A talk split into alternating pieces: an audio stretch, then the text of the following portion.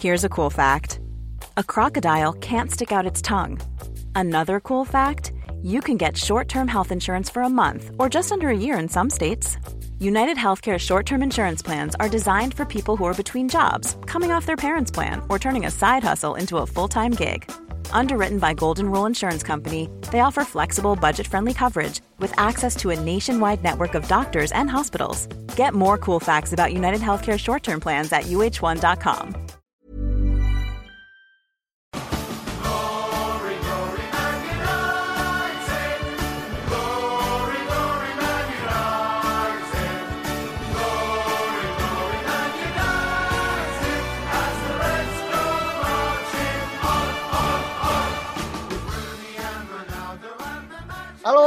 pendengar ganteng-ganteng Manchester United Podcast. Baik lagi bersama kita bertiga. Thank you so much teman-teman udah ikut diskusi bareng kita Seru-seruan di Twitter At GGMU Podcast. Buat teman-teman belum follow silahkan di follow Dan pada kesempatan kali ini Kita mau bahas sebuah topik yang cukup uh, ramai nih sekarang gitu. Meskipun kemarin agak lebih redup Karena setelah kita mendapatkan kemenangan fantasi 5-1 atas Leeds. Dan pada topik ini sebenarnya lebih kepada membayangkan sebuah situasi di mana Ole ini kan pernah membuat sebuah apa ya Semacam kayak uh, ada isu bahwasanya kita akan menggunakan formasi yang jauh lebih attacking kan. Menggunakan formasi 4-3-3 dengan bisa dikatakan dua AMF lah gitu. Yang mana mungkin agak sedikit berbeda dibandingkan musim lalu yang menggunakan dua holding midfield Pot dan juga Fred yang di sini mungkin agak jauh lebih mungkin akan tinggalkan. Nah, masalahnya adalah apakah kedua pemain ini atau pemain-pemain lainnya yang kita punya sekarang sudah bisa cukup mewakili aspirasi Ole untuk menggunakan formasi 4-3-3 dua dua midfield dua sorry dua attacking midfield lah di mana mungkin di sini akan diisi oleh Pogba dan juga juga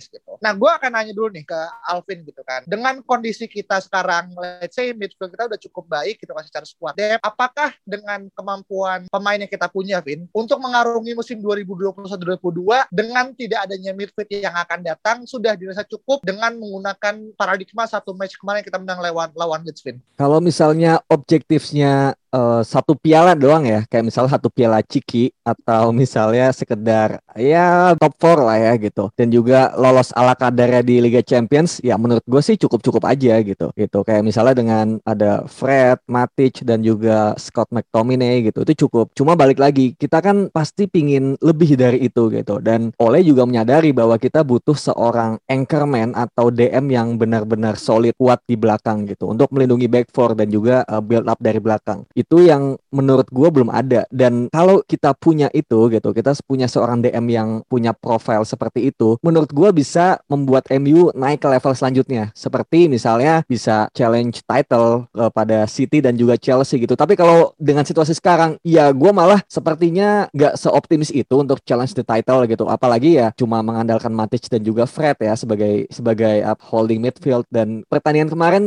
tidak cukup menggambarkan kualitas tim yang sebenarnya sebenarnya di Liga Inggris it's just one match dan it's Leeds United gitu yang bermainnya memang ugal-ugalan ya bisa dibilang kayak gitu dan gak banyak tim yang mainnya kayak gitu gitu ya kan mungkin Man iya. City, Chelsea, Liverpool, Southampton main kayak gitu tapi Burnley lu nggak bisa main dengan McTominay dan Fred lagi gitu kan lu harus nge-free up uh.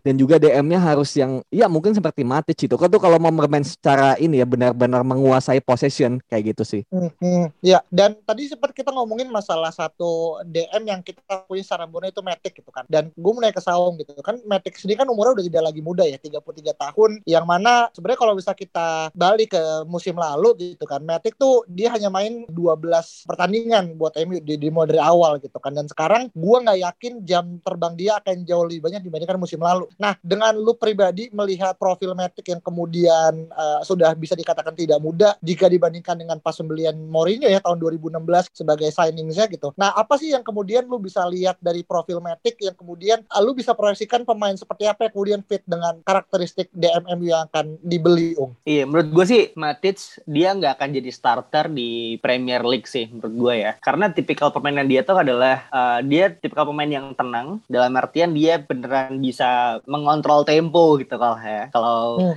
ibarat Thiago-nya Liverpool kan dia controlling the tempo kan. Hmm. Nah, kita punya di seorang Nemanja Matic nih. Nah, cuman dengan kecepatan pemain-pemain di Premier League itu sendiri gitu tim-tim yang lain ya bener apa yang Alvin bilang gitu kemarin tidak bisa menjadikan indikator karena Leeds mainnya juga begitu. Jadi gua rasa dia tidak akan jadi starter men. Dalam artian mungkin dia akan main sekitar 15 menit terakhir atau 10 menit terakhir di pertandingan-pertandingan yang uh, Ole tuh merasa cukup aman untuk dimainkan gitu. Jadi apabila memang tidak ada beneran tidak ada DM yang masuk gitu ya di musim ini ya kita harus expect akan lebih sering melihat McFred gitu sih di di sepanjang musim ke depan cuman Ole menurut gue udah menyadari satu hal yang cukup jadi benefit sih buat United yaitu dia tidak akan menurut gue ya dia tidak akan bisa memasang uh, Paul Pogba jadi holding midfielder lagi man. Hmm, ya. gitu Hmm. karena uh, dia Pogba itu sebagai holding midfielder itu kacrut banget dia nggak bisa defend dan uh, dengan dia juga kita nggak bisa expect dia akan selalu main Hollywood pass juga kan point point Hmm. pass tiap dia pegang bola juga gitu loh karena justru dia tuh teknik unggulnya tuh adalah one to touch-nya gitu loh. Cara dia link Hmm. up dengan pemain-pemain depan MU itulah yang paling penting gitu. Makanya mungkin kita akan bisa melihat dia uh, mungkin sebagai penyerang apa attacking midfielder dua di depan gitu sama dengan Bruno Fernandes atau main di sisi kiri gitu loh. Hmm. sebagai left left central midfielder atau bahkan jadi left winger gitu Nah, makanya ini akan menarik sih. Kemarin gue melihat uh, McTominay sendiri main itu cukup eksplosif sih menurut gue ya. Mungkin itu akan menjadi pertimbangan ke match ke depannya apakah besok nih kita akan melihat uh, McTominay akan menjadi role yang lebih eksplosif lagi akan menjadi beneran menjadi box to box midfield- midfielder lawan Southampton dan meninggalkan Fred sendiri di belakang itu sih menurut gue I see. Oke, berarti poinnya juga gue ngerasa gini ya, ketika kita nonton kemarin pas Matrix masuk di menit 70-an gue lupa, emang secara tempo jauh lebih turun gitu kan. Dan emang balik Betul. kepada sama bilang gitu kan, memasukkan Matrix lebih kepada mengunci pertandingan gitu kan. Intinya ya udah kita udah paham kita akan menang segini dan lebih kepada mengontrol bola ball position dan segala macam gitu kan. Nah, balik kepada konteks DM gitu kan. Ini gue baca dari Manchester Evening News gitu kan. Dia bilang uh, ada riset yang menyebut, mengatakan bahwasanya peran DM di era sekarang di era PL ya itu tuh ada tiga hal. Pertama itu adalah move towards uh, highly energetic dalam artinya secara ini uh, energetic yang kedua tackling harus bagus. Dan yang ketiga press heavy players who can play 38 match in a season gitu kan. Berarti untuk kita ngomongin Matic sebagai orang yang ketiga kita udah pasti bisa dibilang enggak gitu kan. Apalagi berkaca pada musim lalu cuma 12 pertandingan dimainin gitu. Nah dengan konteks sekarang dalam artian tidak membeli siapa pun gitu uh, siapa sih orang yang lu anggap layak untuk kemudian uh, harus memegang peran kunci sebagai DMF dengan asumsi kita punya option di Fred, uh, McTominay, terus juga mungkin uh, Donny van de Beek gitu. Ada orang bilang Donny van de Beek bisa jadi DMF gitu kan. Atau mungkin ya yang kita punya youngster itu uh, James Gunn gitu. Dari, dari lu pribadi dengan tiga uh, komposisi tadi, siapa yang menurut lu jauh lebih fit untuk mengisi posisi tersebut, Vin? Iya, kalau misalnya siapa yang paling pantas ya mungkin ya kalau Hmm, dia kayak gitu gitu. Sebenarnya agak bingung ya gitu karena memang Fred dan Matic ini bisa dibilang adalah dua tipe yang berbeda gitu. Eh gua nggak mau bicara McTominay karena eh, gua tidak melihat McTominay sebagai defensive midfield. Dia itu lebih seperti box to box midfield seperti halnya Donny van de Beek gitu. Seperti kita lihat juga Donny van de Beek itu badannya udah jauh lebih bulk up dibanding musim lalu karena menurut menurut gue ya, oleh ini memang ingin menjadikan van de Beek ini seperti McTominay gitu role-nya ya, lebih kepada Hmm. box to box karena kalau jadi AM itu dia udah nggak mungkin, nggak mungkin ngalahin seorang Bruno Fernandes itu udah nggak mungkin gitu. Jadi udah lu kalau mau main, lu kayak McTominay mainnya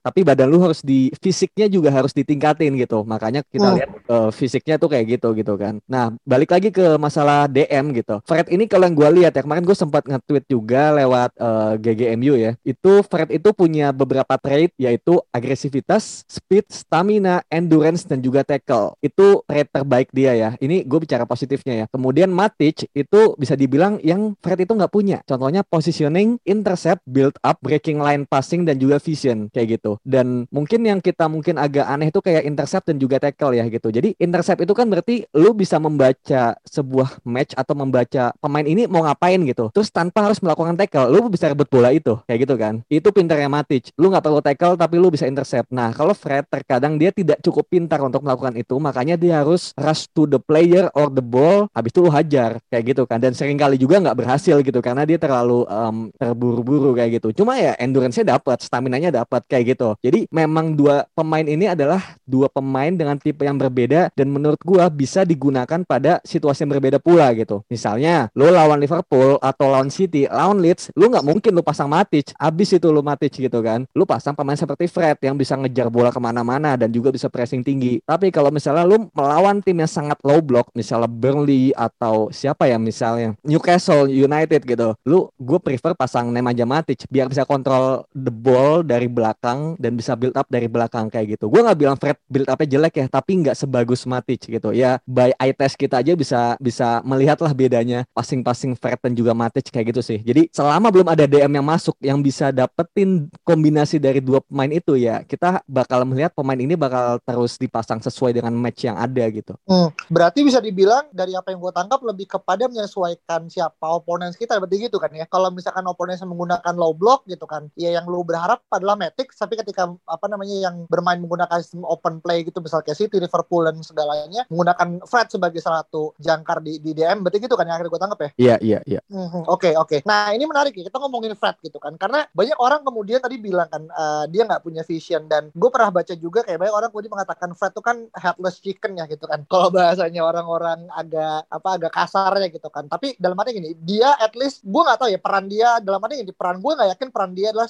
memiliki output. Mencetak gol gitu kan. Tapi kalau kita lihat dari dua pertandingan terakhir termasuk close yang behind the door gitu kan dia bisa dua gol gitu. Gue ngerasa at least dia balik kepada dia sebagai seorang Brazilian gitu kan. Karena kita udah kehilangan sosok hmm. Brazilian setelah ditinggalkan Anderson gitu kan. Itu itu jadi salah satu poin plus gitu. Nah balik kepada uh, konteks Fred gitu Ung. Nah sebenarnya kalau lu lihat kombinasi antara Fred dan juga McTominay gitu kan sebenarnya mereka pun juga punya kelemahan pasti kan. Dalam artian mereka memang adalah kombinasi yang pas gitu kan. One out one to another saling melengkapi. Tapi sebenarnya kalau lu lihat dari sudut pandang lu gitu kan. Ketika kita menggunakan double pivot di uh, Mac dan juga Fred juga apa sih yang kemudian menjadi celah gitu Ung? Dan itu kemudian perlu kita sadari untuk kemudian kita tidak ulangi di season ini Ung? Mungkin kesadaran akan defense sih menurut gue ya. Karena hmm. dua-duanya bukanlah seorang DM murni gitu ya. Benar kata Alvin McTominay lebih ke box to box. Dan Fred sendiri dari sejak main di Shakhtar Donetsk ya dia tuh lebih ke central midfield man. Dia lebih sering bergerak aktif tuh di depan final thirdnya uh, lawan gitu loh. Sama kayak golnya kemarin gol lawan Leeds dia juga seperti itu mainnya gitu loh jadi kadang beberapa match sebelumnya di, di musim lalu mungkin banyak sekali kayak celah-celah di mana dua pemain ini gitu, McTominay sama Fred itu kadang lupa untuk defend gitu segala macam atau telat untuk mundur segala macam. Jadi kemampuan untuk apa ya membaca arah serangan lawan dan juga mengatur tempo sih menurut gue yang yang hmm. apa ya yang belum ada gitu di final apa line up kita sekarang ini. Hmm, oke oke. Okay, okay. Berarti memang ya keduanya pun pasti punya kelemahan dan tadi gue pun setuju Betul. ya karena kita bisa ngeliat dari game kemarin pas lawan Leeds uh, bahkan beberapa analisis mengatakan sebenarnya gol pertama itu nggak akan ke kejadian kalau Fred itu bisa kemudian membaca ruang gerak pemain yang kemudian bergerak bebas dan juga Maguire bisa menutup jarak kemudian supaya tidak terjadi long shot yes, dari betul. dari itu kan. Gitu kan. Ailing kan ya? Yes, benar. Iya, kayak gitu kan. Dan, itu kosong banget kan, Bro. Benar, benar dan juga yang saat yang banyak orang nggak apa-apa adalah di babak pertama itu pun sebenarnya Mac sorry, Fred itu juga sempat melakukan kesalahan dalam kemudian tidak pintar dalam kemudian menutup ruang juga gitu kan. Untungnya itu tidak terjadi gol gitu kan. Itu banyak dibahas juga di beberapa apa sumber-sumber apa nah fans MU apa fanbase MU gitu kan. Menurut gue itu salah satu celah yang kemudian untungnya itu tidak jadi gol gitu kan. Dan kalaupun jadi gol menurut gue itu sebuah uh, blunder fatal gitu. Meskipun ujungnya ya bilang kita kan udah menang 5-1 gitu kan. Kalau kejebolan pun tetap 5-3 gitu kan. Tapi kita juga nggak bisa kemudian mengharapkan kita mencetak gol 5 terus setiap tiap musim iya, sebagai gitu kan. sebagai sebuah tim yang pernah kalah menang liga karena jumlah goal difference kayak cukup trauma sih sebenarnya ya kan Tapi dengan ada McFred gitu ya dari musim lalu kita patut mensyukuri bahwa fakta di mana Pogba itu main sebagai sayap kiri itu bagus. Iya. Itu kan. Jadi kan kita tuh sering ini kan, sering apa ya berdebat gitu di mana di mana si Pogba akan main gitu. Kalau misalnya midfieldnya tuh udah penuh sama McTominay sama Fred gitu. Bruno sudah jelas-jelas nggak akan nggak akan tergantikan gitu kan. Tapi siapa sih yang bisa menggantikan dua orang ini gitu? Masalah itu nggak ada. Matic sama Doni menurut gua tidak applicable untuk semua pertandingan. Hmm. Ya kan kan beberapa kata Alvin tadi Matip sendiri juga kalau misalnya dia main sebagai sendiri ya nggak bisa gitu kakinya udah udah udah nggak kuat gitu katakanlah hmm. sama halnya dengan Fred sendiri atau McTominay sendiri gitu makanya banyak kemarin gue lihat di Twitter men itu ada sebuah discussion bahwa uh, kita tahu sendiri kemarin tuh Lindelof salah satu pemain yang sangat-sangat bagus kan hmm. dan to, to be honest men menurut gue ya dia tidak layak untuk di drop sih oke okay. gitu. oke okay. hmm. to, to be honest ya menurut gue nih jadi beberapa akun-akun Twitter bola gitu mengatakan bahwa Ole ini should experiment to put Lindelof in the defensive midfielder position. okay. jadi ya ini ini ada mungkin ini bisa jadi discussion kita gitu loh. Menurut kalian hmm. gimana? Sebuah trade Lindelof ini seperti apa main di DM? Hmm. Apabila kita memang tidak bisa membeli seorang DM di perusahaan transfer musim ini. Kalau gue lihat sebenarnya kalau misalnya kita lihat dari atribut passingnya ya itu sebenarnya bagus banget gitu karena itu mengingatkan kita dengan seorang Matic dan juga uh, Michael Carrick gitu yang mana mereka berdua sama-sama bisa build up punya visi dan juga breaking line passingnya itu bagus banget gitu. Itu itu itu mirip gitu. Cuma balik lagi gitu. Seperti yang kita tahu di musim-musim lalu gitu kan, banyak kesalahan-kesalahan seperti positioning dan juga less awareness dari seorang Lindelof gitu yang mungkin miskomunikasi dengan uh, Maguire atau miskomunikasi dengan DM-nya atau dengan RB-nya gitu kan siapa pun itu Wan Bisaka mungkin ya. Jadi positioning inilah yang membuat gua agak kurang yakin dia sebagai seorang DM gitu dan sepertinya seharusnya kalau misalnya ini sudah sudah difikirkan oleh Oleh gitu. Oleh pasti udah udah mencoba ini dari preseason gitu. Cuma mungkin memang karena DM-nya uh, eh, CB-nya nggak ada lagi kali ya. Jadinya Lindelof belum bisa dipasang sebagai DM gitu. Cuma menurut gua seharusnya uh, musim ini udah bukan ajang untuk coba-coba gitu atau misalnya untuk eksperimen lagi gitu. Oh kalau mau eksperimen mending musim depan aja kayak gitu. Buat gua agak riskan sih kalau lu mencoba-coba seorang Lindelof untuk jadi DM kecuali misalnya untuk misalnya skornya udah 5-1 lagi nih gitu kan. Oke, okay, it's okay. Misalnya Southampton besok ya, skor udah 6-0 nih gitu kan. Ada ada yang kartu merah lagi gitu. Hmm.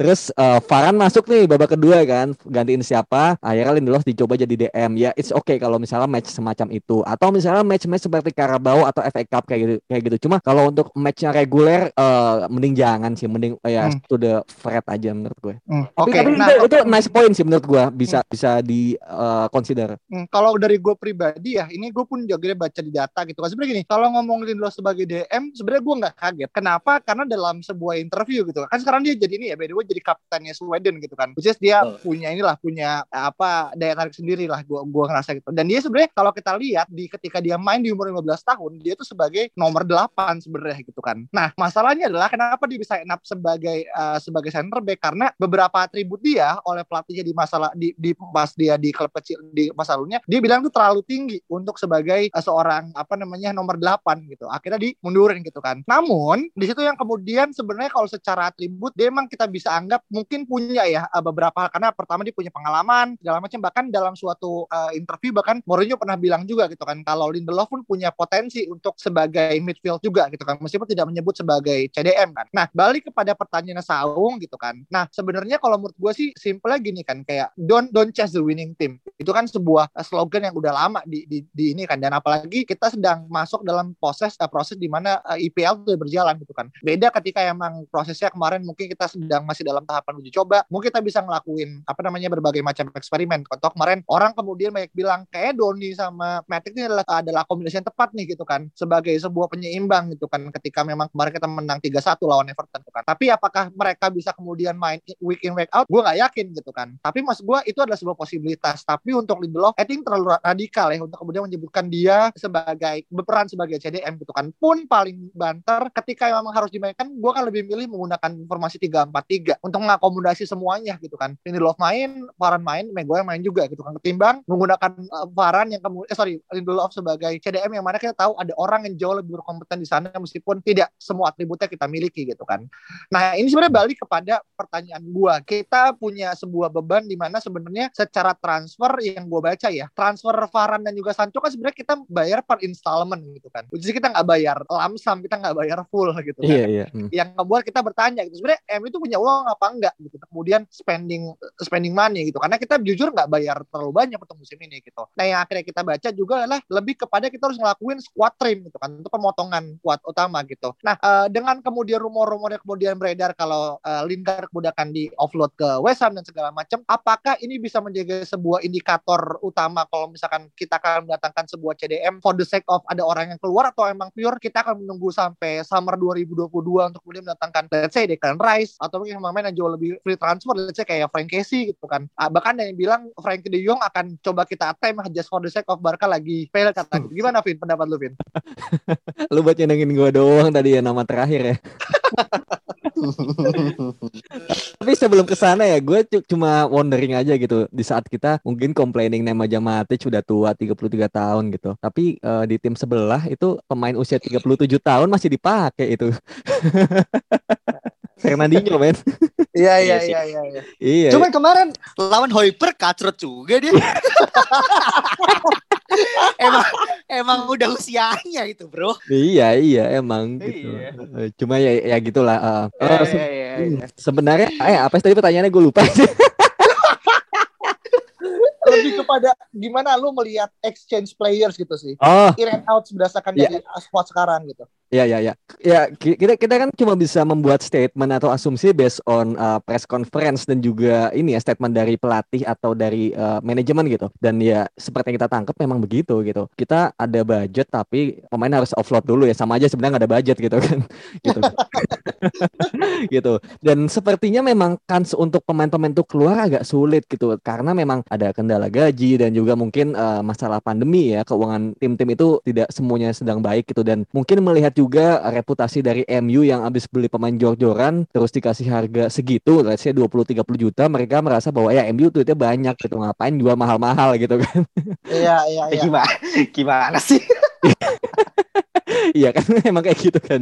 Jadinya pemain-pemain seperti Andreas pun sulit gitu untuk di offload gitu. Dan eh, dari kabar yang beredar yang paling dekat adalah dia bakal ke Flamengo tapi on loan gitu ya. It means nothing sih menurut gua gitu kalau loan kita nggak butuh gitu. Dan eh, Hmm. Lingard juga sebenarnya tuh lebih kepada bukan West Ham yang nggak mau kalau yang dari gua dengar ya, tapi lebih kepada memang Lingardnya yang emang mau stay gitu. Dan olehnya juga kayaknya masih setengah-setengah gitu kayak gue butuh Lingard tapi gue juga butuh DM gitu loh. Jadi iya menurut gua Lingard case ini bakal literally sampai akhir musim gitu. Eh bukan Oh. akhir musim apa? Eh, akhir bursa transfer gitu kan yang seminggu lagi. Cuma ya well agak mepet sih gitu dan Hmm. gak akan datangin DM menurut gua sebelum mereka pergi. oke Iya, ini iya. hmm, ini menarik ya karena Ole pernah bilang kan dalam sebuah statement dia bilang third signing is a bonus gitu kan. Jadi sebenarnya ini ini juga sebuah kata-kata yang menurut gua agak cukup tricky banget kan kayak lu ngomong bonus itu apakah bonus yang udah pasti lu dapat gitu kan. Let's say kayak bonus itu adalah kayak kayak gaji THR lu yang udah pasti akan dapat atau bonus kayak ya lu penuhi target dulu baru kemudian akan dapat gitu kan. Di Hmm. sini kita nggak punya semacam parameter yang jelas gitu kan dan kita ngomong offload pun memang agak cukup tricky balik tadi Alvin bilang gitu kan. Nah, dengan sisa dua minggu nih Om gitu. Dan kita lihat gitu kan beberapa tim berbenah. Iya, meskipun nggak berbenah dalam konteks CDM gitu kan. Nah, kita tahu nih CDM CDM di di luar sana ini masih tersedia gitu kan. Ya, let's say di di Rice, Kamavinga, bahkan yang tadi gue baca The Choma gitu kan yang dari tim AS Monaco yang dianggap-anggap sebagai rising star-nya Prancis. Lu ngelihat sebagai misalkan lu sebagai DOF-nya MU gitu kan. Lu ketika ngelihat orang-orang seperti ini ada di market secara available gitu. Apakah lu kemudian apa yang udah akan coba lu lakukan sebagai last time lu Om? gue nggak akan ngambil resiko sih men untuk untuk apa namanya eh, mengambil sebuah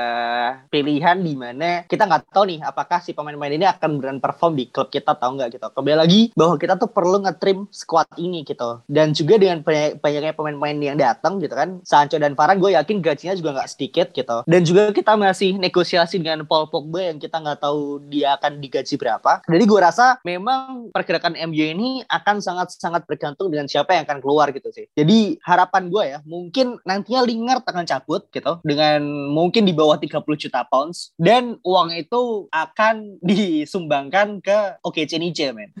Gitu untuk untuk Kamavinga, untuk Kamavinga. Karena menurut gue ya, Oke. Kam Kamavinga ini hot prospect gitu loh. Di mana kalau misalnya lo miss out dia sekarang, ya kita nggak akan dapat lagi gitu. Nggak mungkin dapat lagi sih menurut gua gitu. Hmm. Harapannya adalah uh, dengan kita dapat uh, Kamavinga, kita bisa nabung gitu lebih banyak untuk Declan Rice di musim depan gitu. Menurut gua sih Declan Rice tuh tetap tetap tetap masih masih apa ya? Masih masuk di list United gitu untuk untuk DM seperti Hmm. itu sih. Cuman kembali lagi Hmm. Kamavinga itu terlalu apa ya? Terlalu sayang untuk dilewatkan gitu loh, Bro. Oke. Dan berarti gini, berarti yang gue tangkap Kamavinga is just another amat dialog ketika tahun lalu nggak sih? Ketika kita gagal dapat Sancho, ya gue beli dulu deh apa yang ada gitu kan. Dan itu kan kita tahu amat dialog pun akan hadir ketika di Hamin satu bursa transfer tutup kan. Kayak orang nggak ada yang kemudian memprediksi amat dialog akan tiba-tiba datang. Tiba-tiba umur 18 tahun jebret 37 juta gitu kan. MU keluar, gue bilang. Maksudnya artinya ketika 30 juta itu bisa disimpan untuk untuk sekarang, kita bisa dapat Ruben Neves gitu kan. Ya Kamavinga pun bisa kita bayar cash gitu kan. Tapi kemudian kita nge-splash buat dialog yang mana musim depannya kemudian nge-splash buat Sancho lagi pun dengan installment itu dan lu melihat ini akan terjadi lagi berarti. Gue rasa sih gitu ya, karena dari musim lalu patternnya si Ole Gunnar Solskjaer itu adalah invest di both long term dan juga short term ya, gitu loh. Dengan berbagai macam Tapi ini ya, pergerakan transfer ya. Hmm. Dan Tapi gimana? lu ngomong long term kan sebenarnya jarak Kamavinga dan juga Rice kan 4 tahun doang sebenarnya. Maksudnya ya beda kalau misalnya lu ngomong Trippier dan juga Dalo ya gitu kan itu kan dua atau Dalo dan juga sorry Trippier dan juga Max Aaron misalkan. It's totally different age. Tapi kan ketika lu ngomongin Declan Rice juga Kama itu kan sebenarnya umurnya nggak jauh. Nah lu gimana ngeliat sebagai long term dan juga short termnya? Oh. Tergantung pada ada ini ada nama lain juga sih men. Apabila misalnya James Garner tanda tangan kontrak, gue rasa ki gue rasa MU juga nggak akan bergerak ke Kamavinga sih, gitu loh. Karena muncul nama Kamavinga ini juga barengan juga sama uh, berita bahwa James Garner ini apa nggak mau tanda tangan kontrak gitu loh. Dia ketui kan ingin ingin ini kan, ingin include di first team kan sebenarnya gitu. Karena dia capek untuk di loan loan segala macam. Dan kita tahu quality dia kemarin di Nottingham Forest bagaimana gitu di midfield. Gue rasa sih dia juga punya cukup argumen gitu untuk mempertahankan bahwa gue udah cukup bagus nih gitu loh untuk mengisi posisi DM yang saat ini kosong seperti itu hmm. gitu loh. Jadi lebih ke investasi seperti itu. Bener. Menurut gue sih hal-hal hal-hal itu yang yang yang dicari oleh oleh Gunnar Solskjaer gitu loh. Ibaratnya lo jual motor, lo harus dapat motor juga gitu loh. Lo nggak mau dapat sepeda atau lo nggak mau dapat becak gitu. Katakanlah seperti itu. gitu. Penistaan kendaraan ini. Misalkan. gitu. Misalkan. Gimana Vin? Lu ketawa-tawa kayak ada ada yang disampaikan Iya, iya. Balik lagi ya gitu. Gua bakal sama seperti yang kemarin bahwa iya, kalau misalnya kita uh, apa namanya rush into Kamavinga ya ini bakal mirip banget sama Ahmad Diallo di mana oke okay, kita uh, ada investment jangka panjang tapi kita melupakan yang strategis yang memang kepingan puzzle terakhir yang harus diambil gitu. Itu sangat disayangkan sebenarnya dan kalau misalnya ada opsi lain seperti misalnya uh, Ruben Neves gitu, gua bakal ambil Neves gitu. Meskipun meskipun gue juga pernah baca di salah satu statementnya Ole gitu kan. Dan waktu itu dikutip sama United Report juga via Twitter bahwa Ole ini adalah tipe yang kalau dia punya pilihan pertama dia bakal kejar itu. Meskipun dia bakal nunggu selama setahun. Jadi hmm. dia tidak ingin menurunkan levelnya ke pilihan kedua atau ketiga hanya demi ya udahlah yang penting kepingan puzzle-nya uh, bisa fit gitu. Tapi lu miss the first one gitu. Yang mana itu sebenarnya mungkin tapi lu cuma menunggu setahun aja gitu. Dan menunggu ini bukan karena apa gitu tapi karena mungkin masalah harga dan juga apa gitu. Dan lu seyakin itu untuk dapat contohnya Sancho gitu. Gue yakin Oleh itu yakin banget buat dapat Sancho makanya dia nggak mau ke Dembele atau ke siapa namanya? Coman. Iya Coman dan mungkin Gaitan gitu kan. Gitu jadi dia akhirnya memilih untuk invest ke Amat Diallo yang mana itu itu udah beda project dengan dengan Sancho project gitu. Itu udah udah lebih ke yang long term. Kalau yang ini kan lebih ke mungkin mid atau short term gitu yang Sancho kayak gitu. Jadi seperti yang gue baca itu itu adalah dua project yang berbeda. Kalau misalnya diambil Kamavinga gue harap project DM ini janganlah menjadi sesuatu yang pada akhirnya jadi dilupakan gitu sih menurut gue I see I see. Jadi memang kadang ini ya dalam sebuah tim pun kita nggak bisa kemudian menilai satu pemain pemainnya itu adalah sebuah hal yang berkesinambungan just for the sake ya tadi gitu kan project dia dan juga project Sancho adalah dua project yang berbeda. Meskipun mereka akan sama-sama bermain dalam satu posisi yang mirip agak mirip ya di, yeah. di right wing gitu kan. Mhm. oke oke oke. Bahasan DMF mungkin akan akan cenderung ini ya apa banyak kompleks. Tapi jujur kita masih punya dua minggu lagi uh, sebelum kemudian tutup dan there could be something surprising there could be something yang kemudian sangat monoton which is nggak akan ada pembelian lagi gitu kan which is menurut gue pribadi sih ya ya kita harus tahu diri ya gitu. Kita bukan bukan City ataupun Chelsea gitu kan. Nah gue mau bahas sedikit terkait dengan match besok di mana kita akan ketemu sama Soton uh, di Saint Mary yang mana kemudian ini pertandingan kedua dan bisa jadi salah satu penentu apakah kita akan beli main atau enggak gitu kan. Siapa tahu gitu. Kan bisa kita tiba-tiba kalah Nauzubillah min zalik ya mungkin akan terjadi sebuah panic buying gitu. Tapi lu gimana ngelihat pertandingan Soton? Apa yang kemudian mungkin secara prediksi akan berubah dan apa yang mungkin akan sama dari lu? Musim lalu kan kita menang 9-0 ya? Uh, eh, gue rasa sih musim ini kalau melihat dengan pertandingan Leeds kemarin gitu ya yang di mana kita bisa menang 5-1 kayak dia weekend depan 8-0 lah dengan harapan Varane udah debut, Sancho starter ya, why not bro? Hmm. Ya kan? Sancho okay. gocek-gocek depan, kartu merah, Southampton, penalti. Ya, yeah, it's easy as easy lah. Another hat trick for Bruno Fernandes lah. Betul, penalti, penalti, penalti. Hat trick penalti gue rasa ya, semoga ya. Iya, iya. iya. Ya dan dan dan di sini gue juga berharap Varan dan Sancho eh, terutama Varan ya. Kalau Sancho sih gue yakin dia pasti main terlepas dari bench atau starter ya. Yang mana hmm. menurut gue kayaknya bakal dari bench juga gitu karena away. Dan gue harap Varan bakal main dari bench gitu ya 10-15 menit terakhir lah cameo gitu. Oke hmm, oke okay, okay. dan terkait dengan formasi apakah ada yang berubah Vin? Sedikit aja terkait dari formasi. Uh, dari gue nggak ada nggak ada yang berubah bakal sama. Karena balik lagi kayak permainan Southampton tuh agak mirip ya sama Leeds gitu. Highline defense defense dan juga pressing dan ya kita harus sedikit menyesuaikan. Jadi yang bakal bermain bakal sama Fred McTominay, Bruno Pogba dan juga James dan juga Mason Greenwood gitu. Dan balik lagi James ini hmm. karena melawan tim seperti Soton atau Leeds. Kalau lawannya Burnley mungkin bukan James tapi lebih ke Sancho. I see. Ya, asal yeah, yeah, yeah. asalkan MU nggak melakukan tackle-tackle bodoh gitu ya di depan kotak penalti harusnya aman sih. Yang penting jauhkan Ward Prowse dari free kick, Iya, itu dia. itu aja udah taktiknya itu aja lah pokoknya insya Allah menang Iya, iya, iya, ya. karena kita tahu ya betapa mematikannya apa baik itu dari sisi corner ya, maksudnya corner pun juga berbahaya kan Asli. dari dari Ya, apa, ini betul, juga betul. gitu kan. Dan, ini bisa jadi dan bisa itu yang jadi sebuah eh, bisa jadi sebuah pembuktian pembuktian seorang Ramsey juga ya Rick Ramsey bagaimana melatih seorang set piece defending dan attackingnya sih menurut gue Ya. I see, I see. Oke, oke. Oke, teman-teman, eh, mungkin itu aja terkait dengan bahasan kali ini dan sampai jumpa di pertemuan berikutnya. Dadah.